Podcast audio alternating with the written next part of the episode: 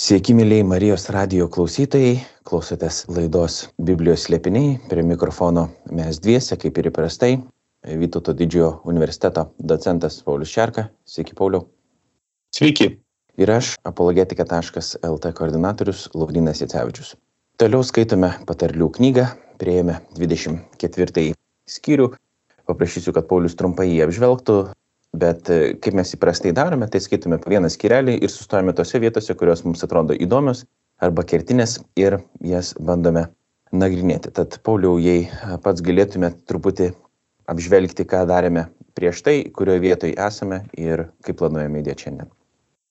Taip, kaip jau klausytojai turbūt pastebėjo, patarlių knyga nėra monolitinė, ji susideda iš tam tikrų intarpų, rinkinių, ir šiuo metu dvidešimt ketvirtam skyriuje mes baiginėsime skaityti trisdešimties išminčių posakių rinkinį kuris galima pasakyti atvaizduoja sudarytas tam tikro modelio pavyzdžiu tyrinėtojai sako kad tai yra amenė mopės posakių rinkinio pavyzdys garsus egiptiečių išminties kūrinys.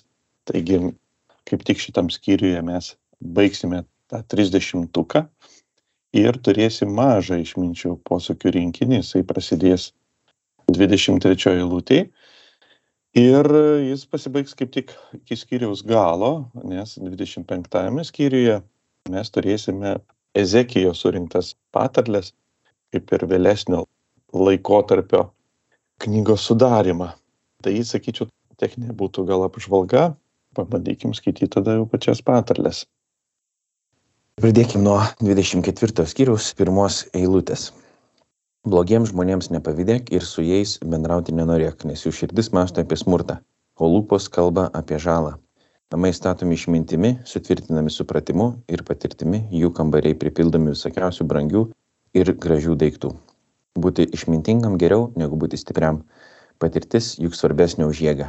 Juk tik išmintingai vadovaujant galima kariauti, o pergalė priklauso nuo patarėjų gausumo ir toliau kalbama apie išmintį septintoje eilutėje, bet pabandykim aptarti pirmas šešias.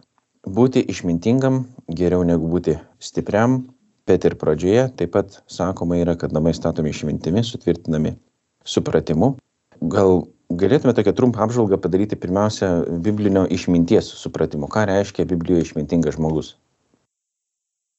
Taip, iš tikrųjų tas žodis turi šiek tiek kitą sakykime, konotacija, negu įprasta galbūt mums šiuolaikiniai kultūrai tikėtis iš šio žodžio. Ir pirmą kartą hokma, tai yra hebrajiškas žodis, panaudotas buvo išeimo knygoje, kuomet Moze pakvietė pastatyti šventyklą, šventyklos dalis, kuomet buvo reikalingas tam tikras įgūdžių ir meistrystės išskirtinumas, jis pakvietęs meistrus pavadina juos būtent šituo žodžiu tarytum išmintingais statytojais meistrais.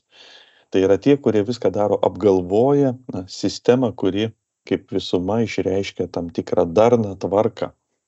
Šiandien mes aišku meistrų nepavadintume išmintingais žmonėmis bet tas vaizdinys kad meistras daro geras meistras įgudęs meistras viską apgalvojęs nuo pradžių iki galo daro kaip sistemą daro tvarkingai ir perteikia na, hebrajišką požiūrį, kad Dievas visų pirma yra visatos statytojas, meistras ir joje mes galime išvelgti tam tikrą įsiūtą tarytum siūlą išminties, tai yra tvarkos, ką graikai sakytų logos, na, o hebrajai pasakytų chokma. Taigi išmintis perteikiame per statybos arba kažko įrengimo pavyzdį, nes statant reikia plano, reikia apgalvoti veiksmus, reikia žinot galutinį paskirtį to, ką tu darai ir netgi apgalvoti ir patį procesą, kaip iki tu jo prieisi. Taigi taip hebrai išreikšdavo, ką reiškia išmintis ir jeigu tai galioja, kaip jie matė, visai Dievo kūrybai, visai kūriniai, gamtai, jeigu tai galioja kaip pavyzdžiui namų statybai nuo projektavimo iki jo įrengimo, tai tokiu atveju tai turi galioti ir moraliniam gyvenimui, tarytum mūsų vidinių namų, žmogaus moralinių namų statybai. Ir tai todėl mes čia sutinkame tą įsireiškimą Patrulio knygoje apie namus statomus išmintimi. turbūt klausytojai prisimena pirmosios skyriuose mes sutikę išminti moters vaizdinių, matėm, kad jį kviečia į šventę ir, ir ji pasistatė, sakoma, namus ant septynių galvų, septynių kolonų. Tai šiuo atveju būtent toks išminties vaizdinys, kuri pati stato namus ir moko mus, kaip juos statyti. Jis susišaukė ir čia mes matom išminti ir namų statymą be galo glaudžiai susijusius vienas kitą paaiškinančius procesus. Žodis namai gali reikšti šeima, taip kaip ir mes lietuvių kalbos sakytume, nėra namų bedumų, turim omeny šeimininius santykius, lygiai taip pat ir tuo metu į namus buvo žiūrima kaip į šeimą, bet taip pat jis gali reikšti ir tam tikrą na, bendruomeninį gyvenimą, gali reikšti ir vidinį gyvenimą.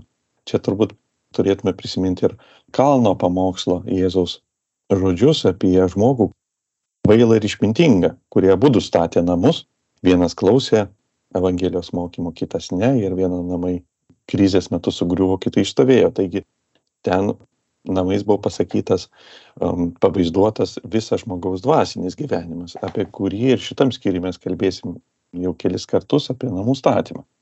Tai šiuo atveju išmintis labai puikiai išreiškiama per tai, kaip vyksta statybos procesas. Ir čia šiuo atveju mes matom, kad pirma tai yra procesas, antra kad niekas nepasidaro greitai. Reikia tas pažinimų pripildomai visokių brangių ir vertingų turtų. Ketvirtoj eilutėj mes kalbam apie tai kad ir krikščionio dvasinis gyvenimas neįvyksta per vieną dieną. Jis yra progresas ir tas progresas tarytum namo įrenginėjimas. Reiškia jeigu namo statybą kažkada vat pradedam tai jos pilnas įruošimas dažnai užtrunka ir čia na tie kas statė namus puikiai žino kad iš tikrųjų iki pat galo iki pilno įrengimo tikrai yra ilgas ir brangus procesas. Retam pavyksta jį padaryti greitai. Lygiai taip pat ir su dvasiniu gyvenimu jisai na nepasiekiamas yra labai lengvai ir greitai. Tai sakyčiau toks būtų trumpas komentaras dar man kyla vienas klausimas žvelgiant į pirmą eilutę kur parašyta blogiems žmonėms nepavydėk ir su jais bendrauti nenorėk. Kas yra blogas žmogus? Čia turimas omenyje kadangi kitoj biblijos vietoj yra pasakyta kad nėra nei vieno gero nei vieno kuris darytų gera visi nusidėjo ir stokoja dievo šlovės. Kaip tada reikėtų suprasti mums apie kokį čia blogą žmogų yra kalbama kadangi mes esam linkę bent jau taip atrodo iš patirties visą laiką galvoti kad tas kitas yra blogas žmogus ir su juo man nederėtų bendrauti, bet kažkaip Biblijos naratyvas atsuka veidrodį į mus ir parodo, kad vis dėlto su mumis nėra viskas iki galo gerai. O čia vėl yra kreipiamasi tarsi į gerą žmogų ir sakoma nepavydėk tiem blogiem žmonėm ir su jais nenorėk bendrauti, tai apie ką čia eina kalba? Patarlių autorius kreipėsi į mus kaip į jaunuolį, kurį mokina. Ir šventas raštas turi tą viltį, kad mes galim būti išmokinti. Mes turim pirmiausia pripažinti, kad esam tie nemokyti, paprasti, kad mums reikalingas mokymasis. Tačiau yra galimybė aukti. Ir iš tikrųjų, pripažįstant, kad išminties neturi, ją po truputį įgyti. Aišku, čia turbūt apibrėžimas to žmogaus būtų antroji lūtėj. Tas, kas masto apie smurtą ir kalba apie apgaulę, ir tai yra ir pati priežastis kodėl tam tikra bendrystė gali būt pavojinga ypatingai moraliniam gyvenimui. Pirmas jeigu yra jau tas pavydas kuris galėtų būti panašu kad tiem piktiem žmonėm sekasi yra išorinė sėkmė bet jų prastas moralinis gyvenimas. Ir dažnai žmonės mato vieną bet nemato kito ir jie nesupranta pavojų gresiančių jų moraliniam gyvenimui. Mąstymas ir kalba ji labai lengvai persiduoda. Taip pat būtina rūpintis tuo, kaip tu mastai. Šiuo atveju, nors norėtųsi būti su žmonėmis, kuriems sekasi, bet daug svarbiau yra pagalvoti apie e, mąstymą, kuris persiduos neišvengiamai, leidžiant laiką kartu. Čia reikėtų atskirti, kad Kristus be abejonės bendravo su įvairiais žmonėm ir buvo atviras. Ta prasme, nereikalingas tokio tipo uždarumas, koks buvo pas fariziejus. Nu, jie matyti irgi skaitydami tas eilutės taip jas traktavo, bet eina kalba apie partneriškumą. Tai yra darima kažką bendrai, siekiant bendrų tikslų ir tokiu atveju na, jau veikiant vienoj bendruomeniai, pavadinkime tai. Tai toks bendrumas yra pavojingas. O iš tikrųjų, sakykime, tai, kad tu iškėlė apie tai, kad reikia žiūrėti į save, tai patalės tą idėją perteikia per mokymą, kadangi mes visada turim būti tie, kurie mokomės, reiškia pripažįstam, kad nežinome šitos knygos kontekste nuodėmingumas yra kaip kvailumo sinonimas. Taip, mes turim save tokiais laikyti tam, kad kažko išmoktum. Skaitam toliau nuo septintos. Išminties posakiai per gilus kvailiui, prie miesto vartų jis neįsižioja.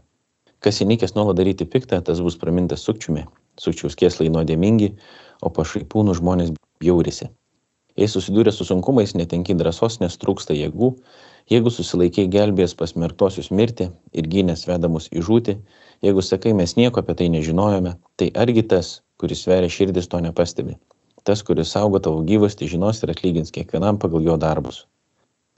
Sustokim turim labai trumpai prie septintos eilutės, kur yra kalbama ne tik apie išmintį ir kvailį, kuris tų išminties posūkių nesupranta, bet jis neįsižiūrėjo prie miesto varto. Gal teko domėtis, kas čia turimo omeny, kadangi skamba tikrai ganėtinai keistai.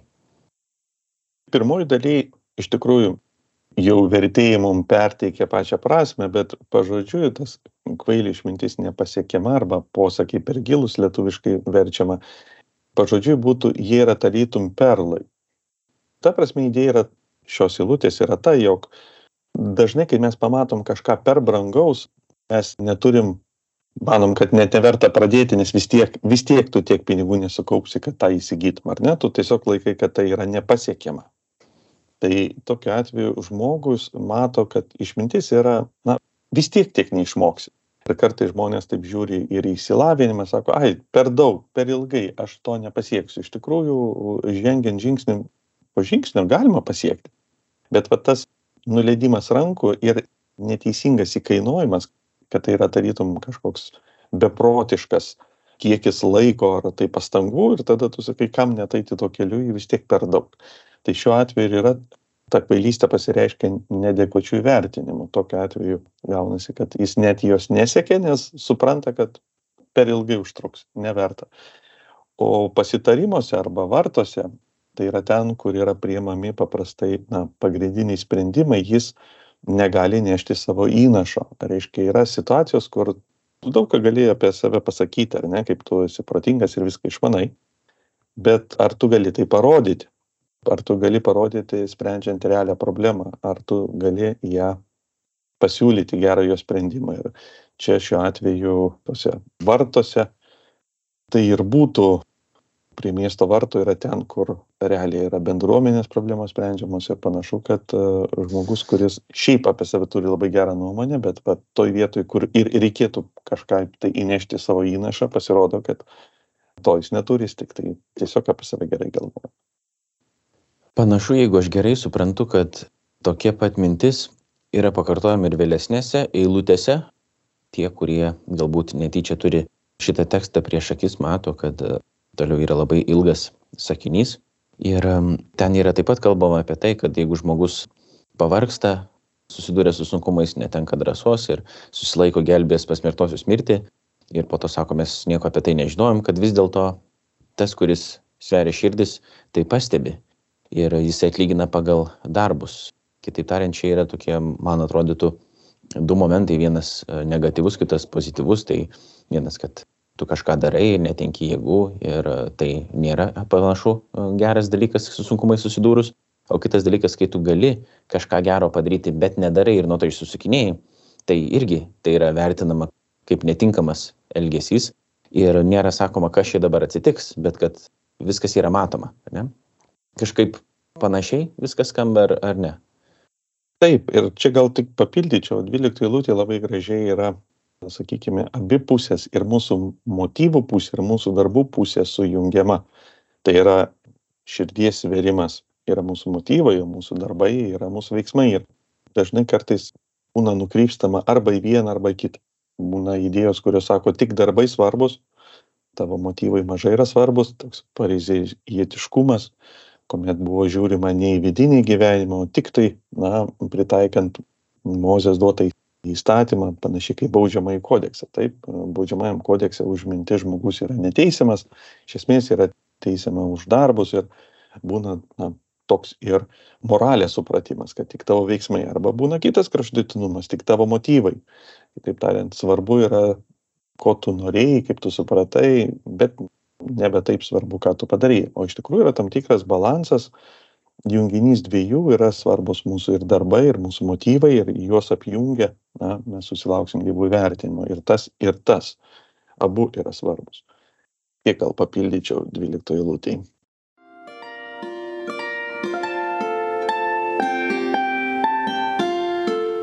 Jūs girdite Marijos radiją.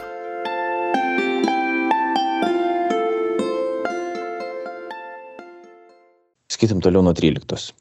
Mano vaikė valgyk medaus, nes jis geras, ir medaus lašai iš korio bus saldus tavo gomuliui. Tokia, žinok, yra išmintis tavo gyvaščiai. Jeigu juos įgysi, turėsi ateitį ir tavo viltis nenuės niekais. Nerenk pasalų kaip plėšikas prie teisiojo buveinės, nenuniokok pirkios, kur gyvena teisusis juk nors teisusis septynis kartus parpuola jis vėl atsikelia o nedorėlį užklumpa nelaimė nesidžiauk kai krinta tavo priešas te nedžiūgauja tavo širdis kai jis parpuola kad viešpats tai matydamas nebūtų nepatenkintas tavimi ir neatitrauktų savo pykčio nuo tavo priešo. Gal pradėkim nuo šitos paskutinės eilutės kur perskaičiau kadangi jinai atrodytų tokia bent jau pirmoji dalis ypatingai panaši į jėzaus mokymą nesidžiauk kai tavo priešas krinta. Jėzus kalba taip pat apie priešus kuriuos reikia mylėti už juos melstis bet kita pusė šiek tiek um, šokiruoja nes tai nėra tai kad tiesiog tai yra gera daryti bet jeigu tu pats džiaugsiesi kai tavo priešas parpuola tada viešpats atitrauks nuo jo savo pyktį. O jeigu tu nesidžiaugsi tai reikėtų suprasti kad viešpats savo pykčio neatitrauks. Kas čia norima pasakyti? Na, čia turbūt vaizdinga kalba, bet mintis yra ta, jog mes matėm ir Davido pavyzdyje, kuomet jo kovoje, jo konflikte su Sauliumi buvo labai daug progų jam galbūt išnaudoti galimybės, sakytume, šiolaikinė kalba ir susidoroti su tuometiniu karaliumi, bet jis to nedarydavo ir niekada nesidžiaugdavo, netgi Sauliui mirus, nors tai buvo jo ilgametis priešas, kovojęs prieš jį patys, jo liūdėjo kaip karaliaus. Taip pat buvo ir su jo sūnumis, kurie maištavo prieš jį ir kovojo dėl sosto. Būtent jis niekada neparodė džiaugsmo, kas buvo neįprasta tam laikui, kai jo priešai krisdavo. Dabar tas įsiriškimas, ar Dievas pakeis situaciją, panašu, kad taip, Dievas žiūri, kaip mes reaguojam, kad mes suvoktume, kad kai kada tos sėkmės ir nesėkmės yra galbūt didesnio plano dalis ir mes tikrai nežinom, kodėl jis atsitinka. Šią pažiūrėkime į tą pačią 16 eilutę. Nors 17 kalba apie priešo suklupimą, bet 16 kalba apie teisėjo parpolimą. Ir ta tema, jog kaip mes galėtume įsiaiškinti, kodėl žmonėm atsitinka tos krizės, va, tai kai čia įsireiškia parpolimai, mes nežinom. Mes žinom, kad jos ištinka tiek teisui, tiek ir teisėje prieš visiems žmonėms yra įvairūs parpuolimai, bet labai gražiai yra 16 eilutėje padaryta skirtis. Žiūrėkit, teisusis septynis kartus parpuola ir atsikelia, o nedorėlį užklumpa nelaimė. Ir skirtumas yra tas, kad tai ir senovės graikai tą patį galėjo pasakyti, jog blogis tavęs negali užklupti. Tu turi jį padaryti. Todėl teisusis gali parkristi, tai yra jam gali atsitikti nelaimingas atsitikimas, bet tai jam nebus nelaimė. Tai nebus jam blogis, nes jis jo nepadarė. Ir šiuo atveju, nepaisant to, koks gyvenimas jam gali būti sunkus, tai nebus tai, ką mes vadintume nelaimė, blogis teisėjo žodyno prasme. Bet neteisėjam yra atvirkščiai. Jam daryti blogį iš vis atrodo, na, nėra problema. Jam svarbiausia nelaimės jo gyvenime.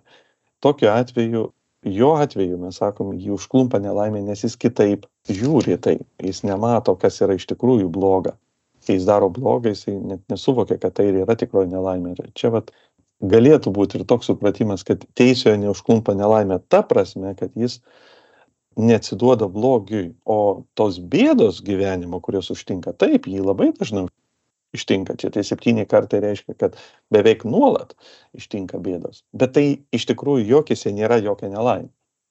Ne, nes tai nėra blogis, kurį tu darai. Tai nėra jo pasirinkimas, tai yra tiesiog nelaimingi atsitikimai. Na, čia turbūt tam tikras žaidimas, ką mes laikome nelaimę, tikrąją nelaimę iš didžiosios raidės. Tai teisėjam daryti nuodėmė yra ta didžioji nelaimė, o ne, sakykime, patekti kokią nors patirti problemą. Ir atvirkščiai, nedoreliui visai kitas yra testas, ką jis laiko tikrąją savo žodžiu, tik savo nelaimę ir kada jis ją patenka. Jis net nesupranta, kaip jis ją patenka. Dar pradžioje mano skaitytos ištraukos yra kalbama apie medų ir siūlymą įvalgyti. Ar teisingai čia suprantu, kad e, medus yra lyginamas su išmintimi, nes 14 eilutė rašoma tokia, žinok, yra išmintis tavo gyvašiai. Kitoje vietoje, aišku, šventame rašte mes taip pat turim medų minimą ne vienoje vietoje, bet viena labai konkreti, kurie klausytojai atsimena, pažadėtojais žemė teka pienu ir medumi. Tai tas medus ten tikriausiai prilyginamas yra gausybei, apstybei viso ko, nebūtinai išminčiai. Kažkaip taip? Taip, tai yra palyginama su pačiu saldžiausiu maistu, kuris buvo prieinamas tuo metu žmogui, jog išmintys siekti yra gera, yra saldu. Aiškiai, mes esam kviečiami, viliojami judėti tuo keliu. Nėra vien tik sunkumai, yra ir tas saldumas. Rabinai čia aišku žiūri toros saldumą ir toros studijų saldumą ir Dievo žodžio saldumas. Jis yra, reiškia, nes jeigu jo nebūtų, na, žmonės nebūtų linkę nagrinėti ir pažinti vis labiau Dievo mokymą. Tai tuo būdu yra palyginama, bet aš sakyčiau, labai gražus palyginimas iš principo, kad su maistu, kad pažinimas yra tarytum valgymas, ar ne? Ir mes pradžios pirmosios skyrius irgi matėm, kad yra valgomas gėrio blogio pažinimo vaisius, būtent valgomas vaisius. Tai yra toks vaizdinys, kai tu valgai, tu pažįsti tai, ką tu valgai, bet pažįsti jį truputį kitaip, negu mes intelektiškai pažintume, tu pažįsti jį dalyvaudamas tame. Tai šiuo atveju biblija nuolat pabrėžia tą pažinimą ne intelektinį kaip išmokstame tam tikrus teiginius bet tokį pažinimą kuris yra dalyvavimas pačiame pažįstame dalyke. Dėl to ir hebrajiškas žodis pažinti yra kartais naudojamas net intymiems sutoktinių santykiams apibūdinti akivaizdu kad tai nėra intelektinis bet tai būtent dalyvavimo meilėje pažinimas ir šiuo atveju tai yra daug veiksmingesnis arba egzistenciją keičiantis pažinimas. Tokį pažinimą patyrę mes keičiamės patys. Kartais mes juk sakom, tu esi tas, ką tu valgai. Tiesa, valgys tave pakeičia. Tu pažįsti valgy, bet tai, ką tu suvalgai, šiek tiek keičia ir tave patį. Taigi po tokio pažinimo tu negali likti toks pat. Čia šiuo atveju labai gražu, kad e, išminties mokymasis yra nekalimas teiginių bet tam tikras dalyvavimas gėryje kurį mes darome arba išminties darbuose reiškia toks kitoks kitoks e, jos pažinimas Pabaikim tą pirmąjį išminčių posakio rinkinį, kuris čia patarlių 24 skyriui baigės ties 22 eilute. Nesikaršiok dėl piktadarių, nepavydėk nedoreliams, nes nedoras žmogus neturi ateities ir nedorelių žibintas užgesta. Mano vaikė, bijok viešpatės ir gerb karalių, nesusidėk su tais, kurie prieš juos maištauja, nes nelaimė iš jų ateina umai. Ir kas gali žinoti, ar ta pražutis iš vieno ar iš kito. Pakankamai intriguoja ta paralelė tarp viešpatės ir karaliaus arba jų sudėjimas kartu ir sakymas, kad nedoraliai maištauja prieš juos. Bet o jeigu pats karalius negerbė viešpatės ir nebijo, ką tada daryti? tai yra šiek tiek kita situacija, ne mes čia turim, sakykime, maišto situaciją, o ne, o ne situacija, kuomet būtų tam tikrą prasme teisingas karas, kuomet karalius, galima pasakyti, dėl savo veiksmų nustoja būti karaliumi. Sunkus klausimas, yra įvairūs modeliai siūlomi, kada karalius nustotų būti karaliumi, ką jis turi padaryti, kaip tu pateikė pavyzdį to tokio um, netliekančio savo dalies karaliaus. Šiuolaikinė, šiuolaikinis pasaulis turi konstitucinę teisę, kurie apibrėžia valdžios teisėtus ir neteisėtus veiksmus. va ir nėra lengvas atsakymas nes kai kada valstybėse mes turim tų pavyzdžių iš tikrųjų labai išsigimsta jos tarytum vadinasi valstybėmis bet nebeišlaiko esminių elementų bendruomenės tai nėra lengva išnagrinėt arba reikėtų jį gal labai nuosekliai pradėti svarstyti tačiau šiuo atveju čia žiūrėkim šiek tiek iš kitos pusės kad tai yra tas normalus pavadinkime karalius ir dievo valdymas yra palyginamas šiek tiek su politine valdžia jog kažkuria prasme tas nenorėjimas laikytis visuomenės egzistuojančių normų taisyklių jis priveda a jis gali tave privesti prie administracinės ar baudžiamosios atsakomybės taip lygiai taip pat ir dieviškų normų nesilaikymas nu, gali privesti prie irgi rimtų padarinių. Tai čia turbūt idėja yra ta kad tam tikras atgarsis yra tarp to kaip vaizdinio pagalba ar ne perteiktas kad dieviškos normos yra panašios į visuomenines normas tam tikru būdu Taip priejo prie antrojo išminčių posakių rinkinio, kuris prasideda 23 eilutėje ir baigėsi skyriaus pabaigoje. Pabandysime perskaityti, skeldami į dvi dalis. Štai ką dar sako išminčiai. Rodyti šališkumą teisme negera. Kas sako, kaltam tu nekaltas, ta žmonės keiks, tautos jo bjaurėsis. O kas pasmerkia kaltą, tas bus gerbiamas, ant jo nužengs palaiminimas ir gerovė. Sažiningas atsakymas lyg bučinys lūpas. Atlik savo darbus laukia, paruošk į priekin dirbą, paskui statykis namus. Neliudik prieš savo artimą, be rimto reikalo ir neapgauk jo savo lūpomis. Nesakyk, jam darysiu, ką jis man padarė. Atmokėsiu tam žmogui už jo darbus. Čia atrodytų ir kelios mintis yra išsakomos, bet taip pat grįžtama yra prie to žmogaus, kuris padarė man piktą arba blogo žmogaus, kaip buvo įvardyta, bet vėl esame kviečiami, jeigu priimam savo kaip mokinio poziciją, neatlyginti jam tuo pačiu, tai vėl kažkokia iliuzija atrodytų į tai, ką Jėzus kalba toje auksinėje taisyklėje, tik čia yra kaip ir priešingai jinai negatyvi, tokia nedaryk to kitam, kuris tau kažką padarė negero. Jėzus sako, darykite kitiems tai, ką norite, kad jums darytų. Tai kaip čia šita mintis yra plėtojama ir ką dar pats pastebit šitoj pirmoji daly išminčių antrojo posakio. Taip, pritardamas tau, galbūt dėmesį atkreipčiau labai vaizdingą posakį į sąžiningą atsakymą.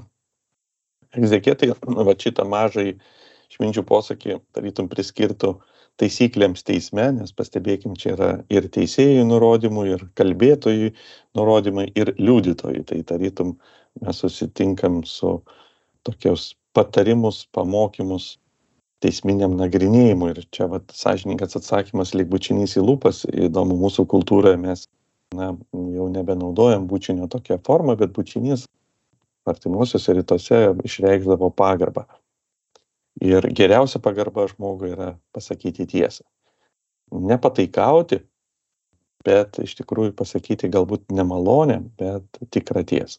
Ir atvirkščiai, reiškia, juda bučinys, mes turime netgi ir posakį, yra toks išduodantis bučinys, kuomet tarytum apsimetama gilę draugystę, tikrų draugų, iš tikrųjų už to slypi klasta. Tai tikras draugas sako nemalonius dalykus, o atvirkščiai tas, kas nori pataikauti, nėra tikras draugas. Čia vaizdinys su tuo bučiniu.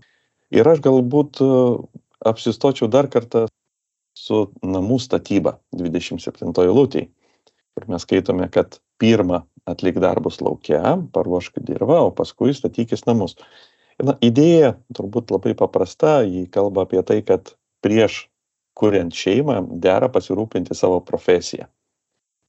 Tokia idėja, kurios buvo laikomasi artimuose rytuose ir manau, kad labai sveika, aišku, idėja yra, kad reiktų pagalvoti pradžiai, kaip tu gyvensi, na, o tik tai paskui pradėti statyti namus, nes jeigu darysi atvirkščiai, tai pirmiausia, nepavyks užbaigti galbūt tos statybos ir nebus aišku, kaip juose išgyventi. Tarytum labai logiška mintis, kas yra pirma, kas yra antra. Kita vertus, vėl mes grįžtam prie išminties ir vidinio gyvenimo, ir tokiu atveju tas darbas lauke tai būtų studijos šventojo rašto darbas su savo širdim kaip jėzus sako išrinkti akmenis ar ne kur sėjas išeina sėti žodžio. Ten yra tas žodis siejamas ir mūsų širdies laukas, su kuriuo tenka dirbti, atgaila, raunant pykžalės, reiškia, kultivuojant, kad krentamas žodis duotų vaisių. Va tik po to, iš tikrųjų, jeigu mes teisingai dirbame atgailos kryptimi, sąžinės kryptimi, mes galime progresuoti dvasinę prasme. Tai yra pirma, reiškia atgaila, vėliau yra dvasinis augimas, o ne atvirkščiai. Tai ta prasme būtų pirmas, tarytum tas darbas laukia, širdies jau laukia ir paskui širdies namų statyba. Tai šiuo atveju toks gyvenimiškas modelis, dera investuoti į profesiją pirmiau negu rūpinti savo šeimą, nu santoką, pradžiai dar pagalvoti, kaip tu gyvensi, lygiai taip pat ir dvasiniam pasaulyje, nu, dera va tą širdies lauką dirbti, kad jis neštų vaisių, o tik paskui jau rūpinti savo, nu, pavadinkime, augimu, nes neįmanomas kitoks augimas. Tas namų statyba kaip augimas, jis, jis bus aplenkiant laukus, darbus laukia, bus netvaros. Na ir pabaikim šitą skyrių, kaip jau tapo įprasta, vėl kalbant apie tinginius ir kvailius. Praėjau pro tinginio lauką, pro vynogyną žmogaus, kuris buvo kvailas. Žiūriu, jis visas apaugęs iškiečiais, žemė pilna dilgėlių ir akmeninė tvora išgriauta. Stebėjau ir dėjausi į širdį, žvalgiausi ir mokiausi. Truputį pamiegoti, truputį pasnausti, truputį rankas sudėjus palisėti ir skurdas užklups tave kaip lėšikas, o nepriteklius kaip ginkluotas karys. Atrodytų iš to, ką pats sakė, čia prieš tai metaforiškai kalbant, tas apaugęs laukas erškiečiais, žemė pilna dilgėlių, išgriauta akmeninė tvora. Jeigu neimtumėm visko pažodžiui, tada galėtų kalbėti apie tai, kad tas vat kvailas ir tingus žmogus, jisai nesirūpina savo moraliniu gyvenimu, nesiekia išminties ir dėl to tas jo elgesys reiškiasi taip, tarsi jisai būtų apaugęs pikdžiolėmis ir, ir erškiečiais. Ar vėl, kaip įprasta, čia yra ir tai kažkas tokio panašaus, ir tada, aišku, eina kalba ir apie praktinį gyvenimą. Na, kaip ir visose patarlėse yra pateikiamas suprantamas praktinio gyvenimo modelis, bet per jį mes turbūt esam pamokomi kažko gilesnio. Taip, tai šiuo atveju tas tinginio laukas, jo tragizmas yra tame, kad realiai tinginys tarytum nieko ir negriovė jis tų dilgėlių ir nesėjo ir savo tvoros specialiai negriovė. Problema yra, kad jis nieko nedarė. Taip iš tikrųjų vyksta, tu apleidi, kad ir savo lauką ar kažkuria tai sritį ir žiūrėk, po kažkurio tai laiko, nieko nedarant, vis tiek prasideda tam tikra griūtis. Atsiranda, reiškia, griuvimas, atsiranda kažkoks apsileidimas, nu, dilgėlės, pikžalės ir panašiai. Reiškia, neužtenka tiesiog būti, reikia veikti, reikia dirbti su savim, mes pasakytume savo dvasiniai kelioniai. Truputį pamiegant atsiranda rimti padariniai ir čia, aišku, mes galim žiūrėti tą dvasinę buvę, prisimenam perškiečius, Jėzus palyginime, kaip sėjas, sėjas irgi pavadino rūpešius ir škiečiais, akmeninė tvora būtų tam tikras moralinės turbūt ribos, kurių nebelieka. Ir pavojus yra toks, kad tiesiog nieko nedarimas jau yra judėjimas atgal. Tai tas tiesa yra ekonominiam gyvenime, neužtenka tiesiog išlaikyti tą patį statusą. Būtina nuolat atsinaujinti, nuolat judėti pirmin. Tas yra tiesa agrikultūrinėme gyvenime. Nu, tas tiesa ir dvasiniam gyvenime yra, jog nesvarbu, ar prieš penkis ar dešimt metų žmogus gyveno intensyvų dvasinį gyvenimą, svarbu, kaip jis gyvena į šiandien ir apsileidimas gali nubraukti didelę dvasinę pažangą. Tai toks yra pavojus, apie jį mes esam įspėjami ir raginami susivokti. Šiandien mūsų laikas jau baigėsi, bet tuo pačiu suspėjome pabaigti ir 24 skyrių. Kitą kartą kalbėsime apie 25-ąjį. Ten prasideda bent jau taip, kaip yra ekumeninėme Biblijos leidime pavadinta antrasis Saliamono patarlių rinkinys. Pradėsim kalbėti apie jį, užbaigėme šitą išminčių posakių rinkinį. Paulius e, daugiau pristatys, koks čia lūžis įvyksta kitą kartą. Ačiū Pauliau už paties išvalgas, dėkuoju visiems, kurie buvote kartu su mumis. Vilėmės, kad viešpats apdaunos ir mūsų tas išmintimi ir mūsų širdis bus gerai užpurentus tą išmintį priimti ir nebūsime laikomi palaikyti tinginiais ir kvailiais dvasiškai apsileidusiais, o žiūrėdami į patarlės galim atsiminti tai, kas yra mums reikalinga, tai to paties vilėmės ir savo, vilėmės ir jums. Atsisveikinam šiandien, iki kito pasimatymo, susiklausimo, sudėv. Sudė.